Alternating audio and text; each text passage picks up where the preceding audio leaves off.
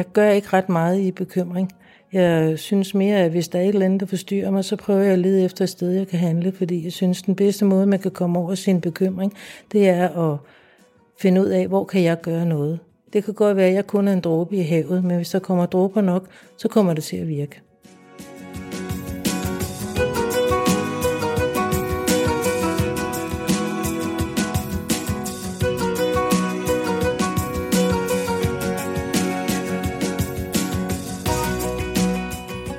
Velkommen til podcasten Vi gør det sammen.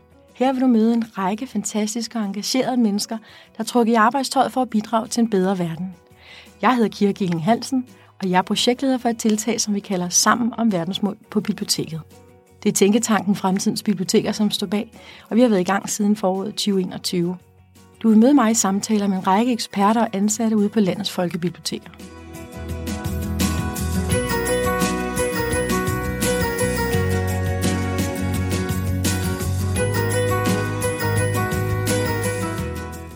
Hundredvis af borgere er med i projektet om at bidrage til et eller flere af FN's 17 verdensmål. Og over hele landet står biblioteker klar til at gribe borgernes idéer, så de kan blive omsat til handlinger.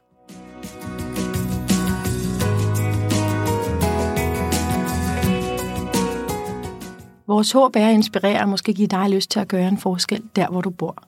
Deltagerne fortæller, at det skaber livsglæde og føles meningsfuldt at handle, samtidig med at det lindrer på de bekymringer om fremtiden, som mange af os har.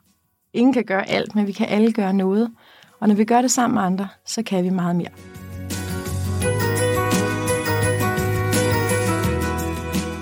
Jeg hedder Lene Olsen Fosgaard.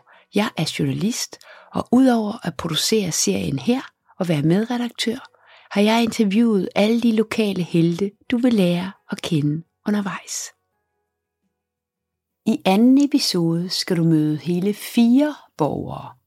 Karen og Gunnar, der er fra samme bibliotek i Gladsaxe, og Erling og Bodil, der kommer fra den anden ende af landet, fra verdensmålsgruppen i Viborg. Du skal også møde Simon, der er bæredygtighedspsykolog, og vi starter med ham.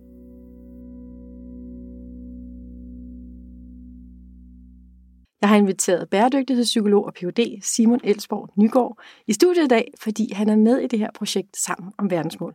Du er faktisk fast underviser, og du har mødt borgere, og du har mødt ansatte. Nu i halvandet år har du været med i det her projekt. Vil du ikke lige starte med at forklare, hvad er en bæredygtighedspsykolog for noget? Jo, det vil jeg. Inden for øh, psykologien, der har vi en rigtig stor viden om, øh, hvad er det, der foregår på indersiden af vores hoved, og hvordan det, der foregår på indersiden af vores hoved, for eksempel holdninger og værdier og meningsfuldhed osv., det hænger sammen med vores ydre adfærd. Så bæredygtighedspsykologi, det handler bare om at sige, al den viden, vi har inden for psykologien, hvordan får vi sat den systematisk i spil i forhold til den øh, miljømæssige øh, bæredygtighed. For det kan man gøre på mange måder. Det kan være i forbindelse med motivation, eller øh, trivsel, eller meningsfuldhed, eller hvad vi vil spise, eller hvad vi er bange for, eller hvad et godt liv er, eller hvad vi laver fællesskab omkring. Så alt det, der handler om den indersiden af, af det menneskelige, det er det, man kan kalde bæredygtighedspsykologi. Så når jeg siger psykologi, så handler det bare om, ligesom vi har en, en krop, en fysik, vi bærer med os rundt alle steder, så har vi også en psykologi, vi bærer med os rundt. Så lad os øh, vide noget om den psykologi, lad os bruge det, vi ved om den psykologi, når vi ønsker at skabe øh, for eksempel trivsel, når vi ønsker at skabe for eksempel bæredygtig adfærd.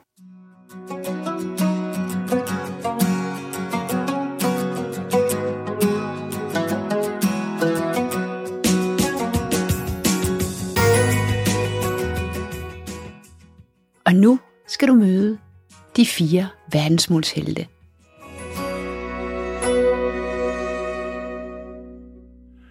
Jamen, jeg vil gerne sige, at jeg hedder Erling øh, Andersen, og jeg kommer fra Kvolds, øh, en lille by, der ligger 15, nej, jo, 15 km uden for Viborg, ude ved Jarbækfjord. Jeg er 69 år gammel. Vi lavede et projekt sammen med biblioteket, hvor vi markedsførte, at den og den lørdag ville vi så mødes. Og så startede vi projektet. Det var både seniorer, og det var folk, der arbejdede, og det var familier med børn, der kom og bare meldte sig på. Vi havde det udstyr, der skulle til, så begyndte folk at skære i træerne og lære om, hvordan de skulle, og så var der vejledning af dem, der havde prøvet det før. Og i løbet af sådan øh, fra klokken 10 til klokken 16-17, der blev der bare produceret store mængder af træer. Eller de fleste lavede to-tre træer, de tog med hjem. Men nu har det jo ført med sig, at nu er der kommet en hel masse om, at nu skal vi til at plante skov og lave den ene eller anden type, fordi nu har de fået blod på tanden. Og det er så der, vi står nu. Så i sig selv, så kan man sige, at den proces, vi fik startet der, den lever videre i sit eget liv.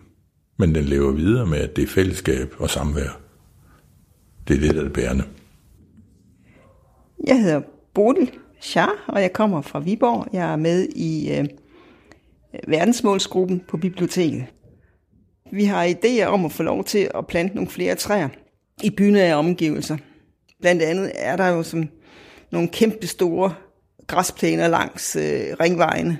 Jeg mener, selvfølgelig skal vi øh, have fokus på nogle træer, der vokser hurtigt. Men jeg synes også, det er meget vigtigt at få plantet nogle egetræer. Fordi egetræer har jo plads til tusind forskellige arter i ét træ. Og der er cirka 800 forskellige insekter. Og så bliver træ, egetræer jo også meget gamle. Jamen, det giver helt klart en mening, at vi øh, kærer os om jorden og naturen.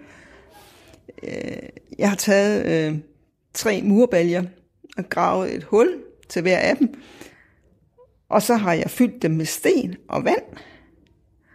Og så har jeg lagt et halvrådent træ og nogle flade sten ved siden af de der små baljer. Ja, så kommer, så kommer dyrene, insekterne. Ja, jeg har blandt andet den lille spidsnudede frø, og jeg har øh, guldsmede. Og så tror jeg faktisk, at en hel masse af de myg, jeg havde på terrassen tidligere, er flyttet til vandhullerne.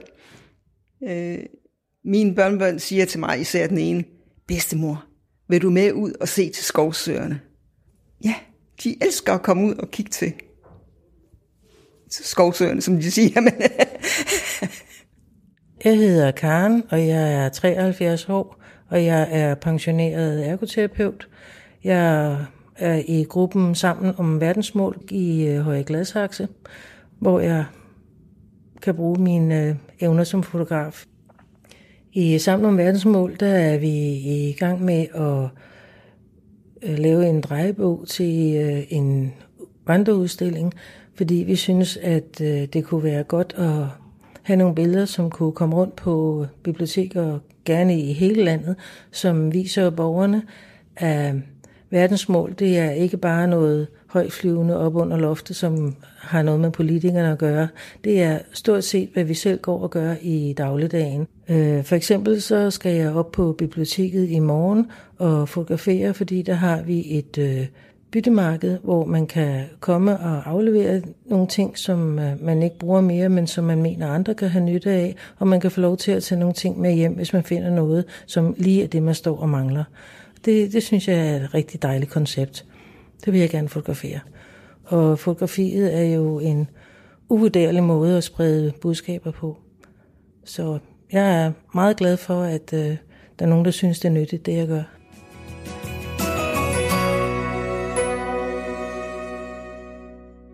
Du har jo din mand med i gruppen. Bjarne, han er også en del af Sammen om verdensmål. Hvordan har det været at være to om det her? Det har været godt, fordi vi er jo som sagt begge to pensionister, og øh, det var også derfor, vi øh, kom i gang med fotoklubben, fordi vi kunne ikke bare sidde hjemme og se fjernsyn, eller sidde og gynge på terrassen. Det, det er for kedeligt. Så øh, vi synes, det var godt at få nogle... Øh, interesser, som vi kunne dele med hinanden, og fotoklubben og sammen om verdensmål, det er nogle gode steder, hvor vi kan bruge vores kompetencer til noget godt, og det giver en god samvittighed. Ja, jeg hedder Gunnar. Øh, jeg er 72 år. Der var et opslag om, at man øh, søgte øh, medlemmer til en ny madklub, man ville oprette. Men så læser det nogle dage efter, så tænker jeg, jamen det er, det er der her i Høje Gladsaxe, lige, lige ned under her. Og der var, var vi en 6-7 stykker. Øh, og så pludselig så sker der det der, at jamen, så er man pludselig en førerhund i det. Og det var sådan lidt af en øjenåbner, det der med at få en social øh, relation til nogle andre mennesker, som man ikke kender. Nu er der i dag 12 på det ene hold her. Så har jeg gået og tænkt på lang tid at lave et hold 2. Øh, og det er så startet op nu, og der lokker vi så med, at øh, vi prøver på at gøre det lidt mere grønt, end øh, vi gør det på, på hold 1. Og det har de taget til sig. Det synes jeg jo egentlig er meget interessant, at det er ældre mænd, der kaster sig over sådan noget. Det kunne man ikke umiddelbart tro, at det var, fordi de er jo garanteret øh, gået bag ryggen af, af deres koner i mange år, og før det øh, deres mor. Og der har det jo været sådan ganske almindelig husmandskost, hvis man kan kalde det ved øh, frikadeller og alle de der ting. Så det er meget sjovt, at de der de har kastet sig over. Det synes jeg øh, er meget opløftende.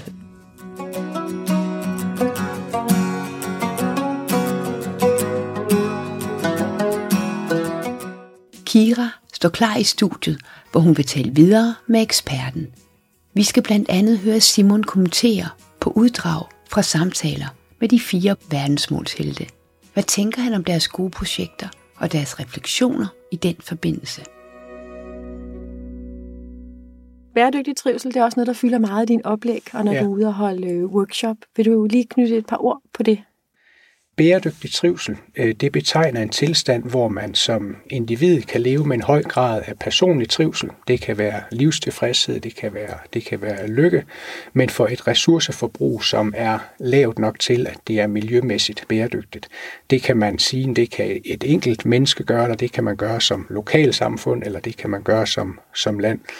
Hvis vi ser på øh, den måde, hvorpå vi skaber trivsel i Danmark i dag, så kan man sige, at nogen vil mene, det er vi nogenlunde øh, gode til, men det vi i hvert fald også kan se, det er, at vores ressourceforbrug, det er alt, alt for højt. Som gennemsnitsdansker, der bruger vi, hvad der svarer til fire gange flere ressourcer, end vi kunne gøre, hvis alle skulle leve ligesom os. Så man kan sige, den trivsel, vi formår at understøtte eller skabe i vores samfund, er skabt på et ressourceforbrug, der er fire gange højere, end det kan være, hvis vi skal blive ved med at leve sådan. Og hvis vi bliver ved med at bruge mere, end vi har, så ender det i værste fald i øh, ødelæggelse, i ressourcekonflikter, i, i ressourcekrige. Så det vil sige, den måde, hvorpå vi skaber trivsel i dag, underminerer mulighederne for trivsel på lang sigt. Vi skal finde ud af, hvordan kan vi leve bæredygtigt øh, på en måde, der faktisk samtidig opretholder trivsel på kort sigt og på lang sigt. Hvis vi formår det, så vil det også være med til at motivere mennesker mere på den grønne omstilling. Hvis folk de ligesom kan se det her øh, grønne omstilling, det sker ikke i for høj grad på bekostning af min egen livskvalitet, hvis jeg går, går med i det. Jeg tænker faktisk, at vi lige skal høre et uddrag fra et interview med Bodil, hun ja. har inviteret sammen med gruppen i Viborg øh, til træpodning, ja. sådan, så en masse familier kunne lære at pode træer. Vi sad øh, og fik en idé om, at vi ville pode nogle frugttræer. Ikke kun vi ville pode dem, men at vi ville lære nogle flere at pode frugttræer. Og jeg er i den situation, at det lærte jeg for mange år siden, og løbende har jeg lavet små podesessioner med min familie, og vi hygger os enormt meget med det. Og så fik vi øh, biblioteksfolkene til at lave en plakat. Og vi inviterede 30 mennesker, og de pladser var lynhurtigt besat. Vi fandt sammen i en lille bålhytte, og vi havde materialet med, og folk kom og lærte at pode deres frugttræer. Vi havde arrangeret det sådan, så der var mindst øh, to træer til hver. Og ja, og sidenhen har vi fået billeder og beskrivelser af deres fantastiske træer, der gror hjemme i deres haver. Træer er jo bare livsbekræftende. Og vi skal have nogle flere træer, og vi skal have nogle flere træer. Hvert år, i mange, mange år i fremtiden. Nu har vi lige hørt et lille uddrag med Bodil, ja. som er god til at bode træer og lære andre at bode træer, som har ja, planer om sammen med gruppen og skal til at plante en masse træer i ja. Viborg både med et plejehjem og nogle skolebørn og et boligselskab. Der er faktisk rigtig meget på vej. Hvad ja. tænker du, når du hører det her? Bodil, hun har jo i mange år på træer og allerede gjort det sammen med sin familie, så hun tager udgangspunkt i noget, der allerede interesserer hende, hvor motivationen er, og også noget, som hun er rigtig dygtig til, og heldigvis noget, som rigtig mange andre mennesker gerne vil, vil lære. Så det er jo også direkte trivselsfremmende, det at lære nogle ting, man selv synes er spændende. Og så siger hun jo også bare, vi hygger os det skal man ikke underkende. Hvis man er et sted, hvor man kan sige, vi hygger os med det, jamen så er man faktisk havnet et godt sted, hvor man øh, har lyst til at komme, øh, komme tilbage igen. Så en anden sjov ting, hun siger, det er, Øh, vi skal have flere træer, flere træer, flere træer. Man kan virkelig mærke, at hun brænder for det. Men noget, der også er trivselsfremmende, jamen det er jo det her med at, at sætte sig mål, og så kunne mærke en fremgang imod det. Faktisk noget af det, som, som er lidt overraskende nogle gange trivselsmæssigt, det er øh, det, der far, det, der giver mest trivsel. Det er sjældent det, at man, man når sit mål. Det er faktisk det, at man oplever fremgang i forhold til ens mål.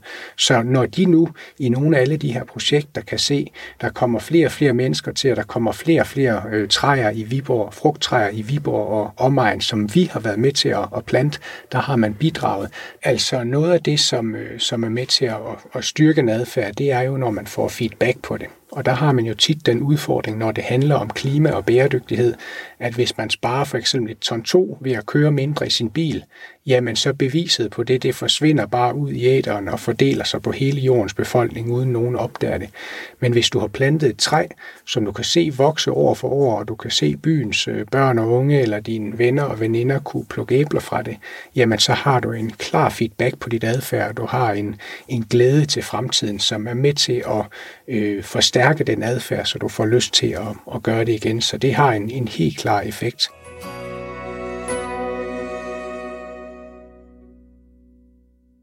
Tænker, at vi lige skal høre et, øh, et lille uddrag fra interviewet med Erling, som er med i samme gruppe, og er også meget optaget af det her med at plante træer. Men i det øjeblik, man sådan øh, sidder og bruger sine hænder, altså både det taktile, men også det følelsesmæssige og det, øh, det at være en del af et fællesskab, det gør, at du får nogle udbrud. Fandme det lykkedes det her, jeg troede ikke, det kunne lade sig gøre. Jeg har aldrig set mig selv lave et frugttræ. Og så nogen, der sagde, var det dejligt at sidde og snakke politik og lokal øh, politik, samtidig med, at vi gør noget for miljøet. Og det man kunne mærke, også folk var glade for, det var, at vi sad sammen. Alle sammen havde et ønske om, at vi skulle gøre en forskel hjemme i vores haver. Man får drøftet øh, mange andre ting end bare det at plante træer. Man kommer til at sidde og tale om, hvem man er og hvad man gør, og, og falder hen i foretagsomhed, men også samvær og nærvær. Det jeg kan se nu, det er den der, det at få ejerskab til noget. Det er et meget, meget centralt element i, i den omstillingsproces, vi skal igennem. At man egentlig føler, at man gør en forskel, men det er ikke et hvilken som helst træ, man har. Men det er, jeg har lavet det, det betyder noget for mig, det betyder noget for mig, også den symbolik, der ligger i det. Og så det, at man faktisk kan gøre noget ved alle de her store abstrakte størrelser, det kan vi køre ned i en lille skala, og så kan folk efterhånden opskalere det, hvis de har lyst til det. Hvad tænker du, når du hører det her interview? Jamen, det er jo et, et fantastisk eksempel på, hvordan altså, de starter med at, at pode nogle træer sammen. Det er ligesom den, den bæredygtige adfærd. Vi poder træer med henblik på klima og biodiversitet. Og hvad er det så, der sker i den proces? Jamen, så oplever de for det første, at de får ejerskab, som, øh, som Erling siger. Og lige pludselig, så er du ikke kun ejerskab i forhold til det træ, du har plantet, eller det træ, du har, har podet. Du har faktisk også en form for ejerskab i forhold til det, der er det store og det abstrakte, som Erling også taler om, hele den grønne omstilling. Så du får lavet en kobling imellem det konkrete podet træ, som du er mødt op for at arbejde med. Øh, det kan være forskellige grunde, men er så en kobling til den grønne omstilling. Og det er en super vigtig kobling at få, få lavet der. Så det, der starter ud med, at man kommer for at pode træ, Måske ikke fordi man er interesseret i klima og bæredygtighed, men bare fordi man gerne vil have et æbletræ. Det, der er startet ud med det, der får vi en kobling fra øh, det at pode træ, så til det, at man pludselig har ejerskab i forhold til den grønne omstilling. Man går fra noget abstrakt øh, bæredygtighed, miljø, ned til noget konkret. Vi går til at tale om, hvem vi er, hvad gør vi, hvordan skal vi leve, og vi går til at tale øh, politik og de store linjer, samtidig med, at man har det godt, som Erling også nævner. Så det er rigtig interessant greb, det her med at, at starte i det nære og det konkrete, fordi det kan i bedste fald føre nogle rigtig fine ting med sig, udover at det selvfølgelig er super fedt at få alle de her podede frugttræer rundt omkring i, i landet. Du har mødt mange af de her borgere, fordi du har ude og holde nogle workshops, øh, ja. og har været med til at starte nogle af de her grupper op. Og så har du faktisk også mødt flere af dem, der er med i vores lille rejsehold. Det er sådan et lille verdensmålsrejsehold, hvor de er ude og besøge biblioteker for at inspirere ja. endnu flere mennesker til at komme i gang med det her verdensmålsarbejde. Ja. Og der er blandt andet Gunnar, som du har haft med ude på nogle opgaver. Vi skal lige høre et, ja. et lille klip fra et interview med Gunnar, ja, hvad han øh, fortæller om det her med at være med i et rejsehold, og hvad det har givet ham. Men det er jo en ting, når, når man er ude øh, hos folk. Folk spørger meget ind til, hvad dækker egentlig de her forskellige verdensmål over?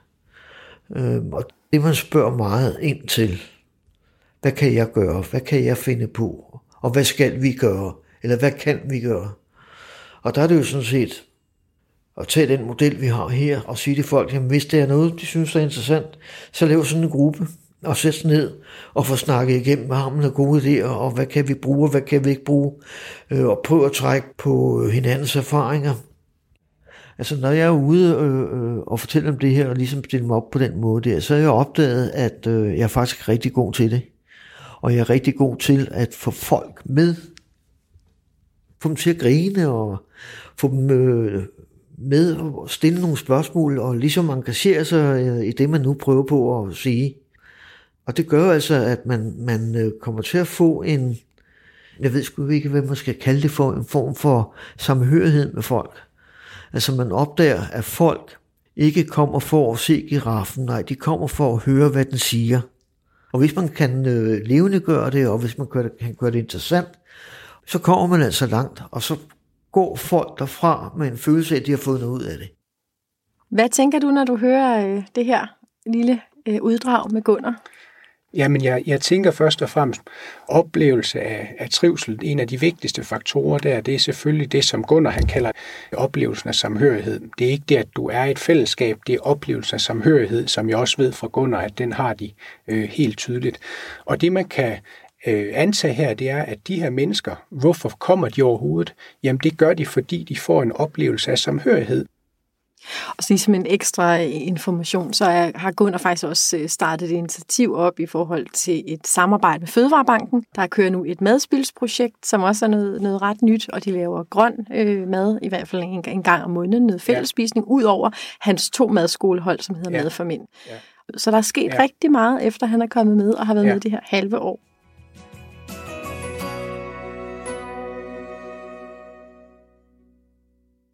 Jeg synes lige, vi skal høre en, øh, et lille øh, uddrag også med øh, ja. Karen. Det betyder utrolig meget for ens velbefindende og ens sundhed, at man har nogen at gøre noget sammen med, og at man arbejder hen imod noget, der er større end ens selv, eller man laver noget frivilligt arbejde. Jeg synes, det betyder meget, at man har nogle mennesker, man kan spejle sig i, at man har nogen, der arbejder hen imod det samme mål, som man har. Det, det betyder noget for ens øh, øh, værdi her i verden, at man, øh, at man kan samarbejde med nogle mennesker. Jeg gør ikke ret meget i bekymring. Jeg synes mere, at hvis der er et eller andet, der forstyrrer mig, så prøver jeg at lede efter et sted, jeg kan handle, fordi jeg synes, den bedste måde, man kan komme over sin bekymring, det er at finde ud af, hvor kan jeg gøre noget. Jeg kan godt bekymre mig over, at øh, isen smelter på Grønland, og det fører mig ikke rigtig nogen steder, hvis jeg sidder og kigger sort på det. Så jeg må tænke, hvad kan jeg gøre i min dagligdag for at gå den anden vej? Det kan godt være, at jeg kun er en dråbe i havet, men hvis der kommer dråber nok, så kommer det til at virke. Vi har lige hørt øh, et interview med Karen, ja. og du har også mødt Karen, fordi hun har både været med på klimafolkemøde, og du har også ja. mødt hende til workshop. Ja. Og øh, hvad tænker du, når du, når du hører det? Jamen, jeg tænker rigtig mange ting, men Karen hun siger jo selv det her med, at, at hun kan mærke, at det betyder meget for, hun kalder det velbefindende, og hun kalder det sundhed. Og en af, af grundene til det, det er blandt andet det, som jeg vil betegne som, at hun bliver en del af og er med til at skabe det, man kan kalde handlefællesskaber. Altså for det første, det at være i fællesskaber, hvor man oplever samhørighed. Det er noget af det, der er direkte fremmende for trivsel, den her oplevelse af samhørighed. Det er den ene ting. Men den anden ting er også nogle af de negative følelser, der kan være bundet til klima og bæredygtighed. Det kan faktisk hjælpe at være i en, i en gruppe og, og kunne dele nogle af de tanker og følelser der. Noget andet, der virker godt for ens trivsel, det er det her med, at man kan se, at nu har jeg gjort en forskel i dag, fordi det er modsætning til en anden følelse, der tit er inden for klima og bæredygtighed, nemlig oplevelse af afmagt eller oplevelse af, hvilken forskel kan lille jeg gøre. Men når du er i handlefællesskaber med mennesker, så er det altså både noget, der kan have betydning for din egen psykologiske trivsel, men også noget, hvor du kan udrette ting, som du ikke ville kunne have udrettet alene. Så handlefællesskaber, det er en af de ting, som jeg hører står tydeligt frem, når Karen taler. En anden ting, det er, hun siger, øh, jeg gør ikke så meget i bekymring jeg handler i stedet for. Og det er jo også rigtig centralt, fordi øh, hvis man bare sidder derhjemme og øh, bekymrer sig, så er der masser af, af forskning, der tyder på, at det er selve det, at dine tanker kører i ring, øh, som, som er med til at opretholde nogle, nogle negative tilstande, hvor imod hvis du kommer på biblioteket eller kommer ud og gør en forskel sammen med folk, så får du brudt bekymringen, og du får noget andet i hovedet, og du får noget andet mellem, mellem hænderne. Og derved igen har vi det der interessante kort, hvor man kan sige, at man både gør noget godt for ens egen trivsel, men faktisk også for omverdenen omverdenen omkring sig. Så det er også noget af, af det, jeg lægger, lægger mærke til. Så det, der skal til, det er simpelthen det her med at, at finde nogle medallierede, finde nogen, der har lidt øh, mm. den samme øh, lyst til at gøre en forskel ja. ude lokalt. Når vi ser på, hvilke faktorer, der bringer trivsel, oplevelse af autonomi, samhørighed, kompetence, meningsfuldhed og sikkerhed tryghed. Hvis man lytter til de fem grundlæggende psykologiske behov, så kan man godt høre, der er ikke noget, der nødvendigvis kræver et stort ressourceforbrug for, at vi oplever mening eller frihed eller samhørighed eller tryghed eller meningsfuldhed. Så der er et kæmpe potentiale for at stimulere de her trivselsfremmende faktorer bedre, men for et lavere ressourceforbrug.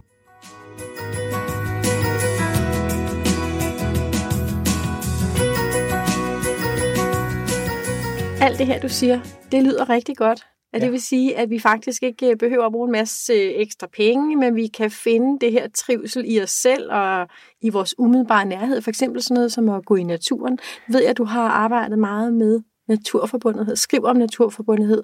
Du har også uddannet dig til noget systemisk naturcoach. Ja, naturcoach, Vil du ikke ja. lige fortælle øh, lidt om det, sætte et par ord på det? Jo, naturforbundethed, det dækker over, at mennesker dybest set oplever sig forbundet til naturen, og de oplever at være en del af naturen. Det er sådan, man definerer det i forskningen helt overordnet sagt. Når man så går ud og forsøger at måle på, oplever du dig forbundet til naturen, bare på en skala fra 1 til 10, altså virkelig forsøger at kvantificere det hardcore, øh, så jo højere folk de svarer, ja, jeg føler mig forbundet til naturen, ja, naturen er en del af mig. Hvis man så samtidig måler deres trivsel, og hvis man samtidig måler deres grad af miljømæssig bæredygtig adfærd, så i jo højere grad de svarer ja, jeg oplever mig naturforbunden, så har de også alt andet lige og gennemsnitligt en højere trivsel og en højere grad af miljømæssig bæredygtig adfærd. Så et andet svar på, hvordan er det, vi så fremmer bæredygtig trivsel, det er at skabe naturforbundenhed. Og hvordan skaber man så naturforbundenhed? Øh, det handler dybest set om at komme ud i naturen og få naturen ind i byerne og ind på biblioteket. Og det er jo også det, som vi ser rigtig mange eksempler på, at de gør i verdensmålprojekterne med, med bibliotekerne og, og borgerne. Er det, er det bare at gå en tur i skoven, er det godt nok? Eller trække i lykre og cykle en tur i skoven? Er det godt nok i forhold til det her med naturforbundethed?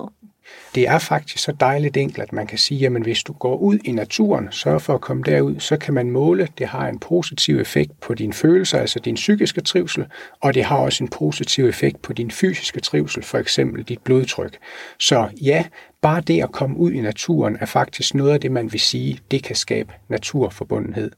Næste spørgsmål er så, jamen, hvordan kan man være i naturen på måder, hvor det maksimerer naturforbundenheden?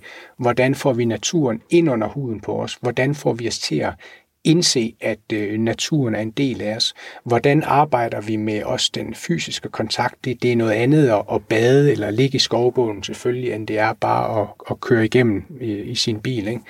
Men det interessante det er, at man kan faktisk måle effekter af natur.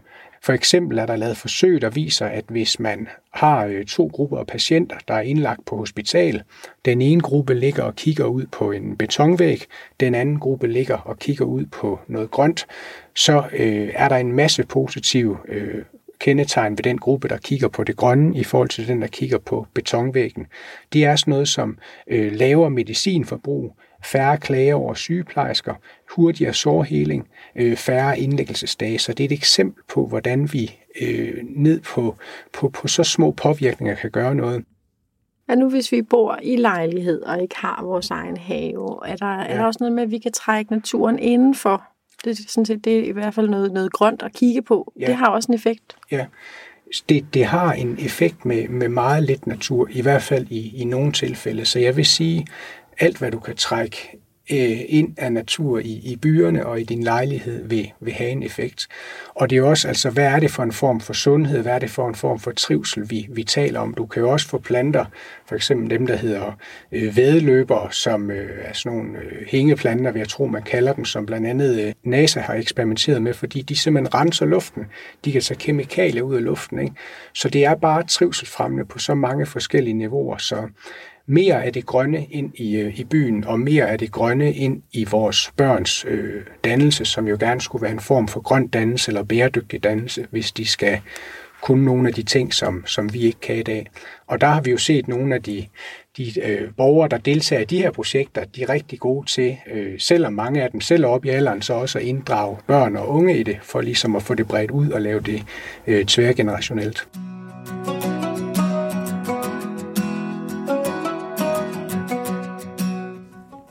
Hvad kan jeg så som helt almindelig borger gøre for at blive mere bæredygtig? Jeg vil rigtig gerne i gang. Jeg vil gerne gøre noget mere. Har du et, et godt råd? Et godt råd til, hvad kan jeg gøre? Hvis det kun er et godt råd, så vil jeg sige, øh, meld dig ind eller bliv en del af en form for handlefællesskab, hvor du kan gøre noget, du ikke kunne gøre alene, samtidig med, at det faktisk også er godt for dig selv at være en del af et fællesskab. En måde, man kunne gøre det på, det kunne så være at være med i øh, Sammen om verdensmål på biblioteket, eller et andet fællesskab. Tusind tak, og tak fordi du vil i studiet i dag. Vi fik en masse gode indsigter, både fra det her projekt Sammen om verdensmål, men også i forhold til, hvad det her bæredygtighedspsykologi handler om. Tak for invitationen.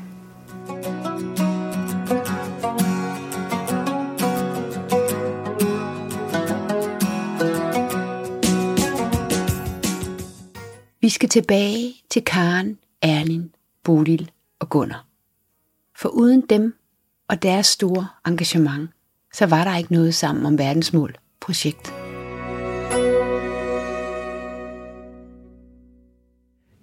Jeg synes, det er vigtigt, at man prøver at øh, tale sammen hen over generationerne, fordi at, øh, det er jo de unge mennesker, der skal arve vores verden. Og de går og bekymrer sig meget om, hvad, hvad fremtiden kan blive til. Så hvis det er, at man kan få dem engageret i forskellige øh, grupper om, øh, om hvordan man kan gøre noget for verdensmålene i sin dagligdag, så vil det også kunne hjælpe dem ud over den angst, de kan have for, hvad, hvad der sker her i verden, og give dem noget, øh, nogle handlemuligheder og noget fortrystning. Det kan godt virke lidt småt, at man måske bare sidder en håndfuld mennesker og gør noget sammen. Men når man ser på, hvor mange grupper der er rundt omkring, så når de her grupper med tiden vil vokse sig større og stærkere og møde hinanden, så kan jeg ikke se andet end, at det kommer til at gå godt. Ja, jeg ser det som, at når jeg gør et eller andet i min dagligdag øh, for at ændre på noget, det er så ligesom, at jeg drypper noget i vandet, og så kommer der ringe. Og hvis andre også gør det, så vil ringen efterhånden flyde sammen, og så vil vi efterhånden øh, møde hinanden og blive til en større bevægelse, der virkelig kan slå igennem. Jeg har sådan en grundlæggende forventning, at når man er sammen med andre mennesker, uanset om det er sammen om verdensmål, eller det er om øh, øh, Greenpeace, om det er mm, bæredygtighed, om det er, at vi er ved at lave nogle øh, skovprojekter ude i lokalområdet, eller vi driver vores øh, forsamlingshus, eller at vi øh, laver noget festival for nogle unge, der synes, det er rigtig sjovt at gå til musik, så er min grundlæggende erfaring, at det at være sammen med andre mennesker, og lave noget sammen med mange andre mennesker af forskellige observans, øh, det er givende, og det er bekræftende, og det er livskvalitetsløftende. Fremtidens bibliotek for mig er et sted, hvor vi alle sammen kan mødes. Og vi kan mødes lige præcis der, hvor vi er. At der ikke skal lægges nogen bestemte krav ned over os. Fordi vi har alle sammen en menneskelighed, ikke også? Og den kan vi udvikle. Og for mig har det også rigtig meget at gøre med at udvikle de menneskelige ressourcer i et fællesskab.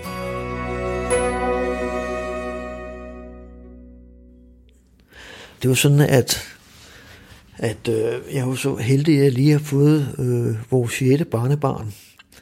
En lille pige. Og øh, da jeg så hende som helt nyfødt, hun var en, en time gammel, så øh, jeg faldt fuldstændig pladask for hende. Det var helt, helt utroligt.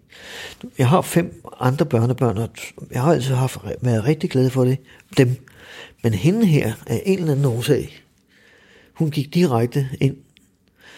Og det her var om eftermiddagen, at hun blev født, og så om natten der, hvor jeg kunne ikke rigtig falde i søvn, øh, så gik øh, jeg gik ind i stuen og satte mig øh, og tændte på lys, og så skrev jeg et brev til hende. Og så ned en kuvert, og lukkede den selv. Det brev skal hun have, når hun bliver 18 år. Og så er det jo, kunne det jo være rigtig interessant, hvis det var sådan, at hun gerne ville prøve at finde ud af noget mere om mig. Og spørge sine fætter og kusiner og sine forældre, hvad ved jeg, hvem var egentlig ham der, den gamle original der, hvem var han egentlig? Og så kunne det jo være, at der var nogen, der sagde, at øh, han snakkede så meget om det der klima altid. Det var så irriterende at høre på. Det kunne måske være. Så blev øh, sætte et aftryk den vej rundt. Men jeg håber bare på, at jeg bliver øh, interesseret i at finde ud af, hvem jeg er. Eller hvem jeg var.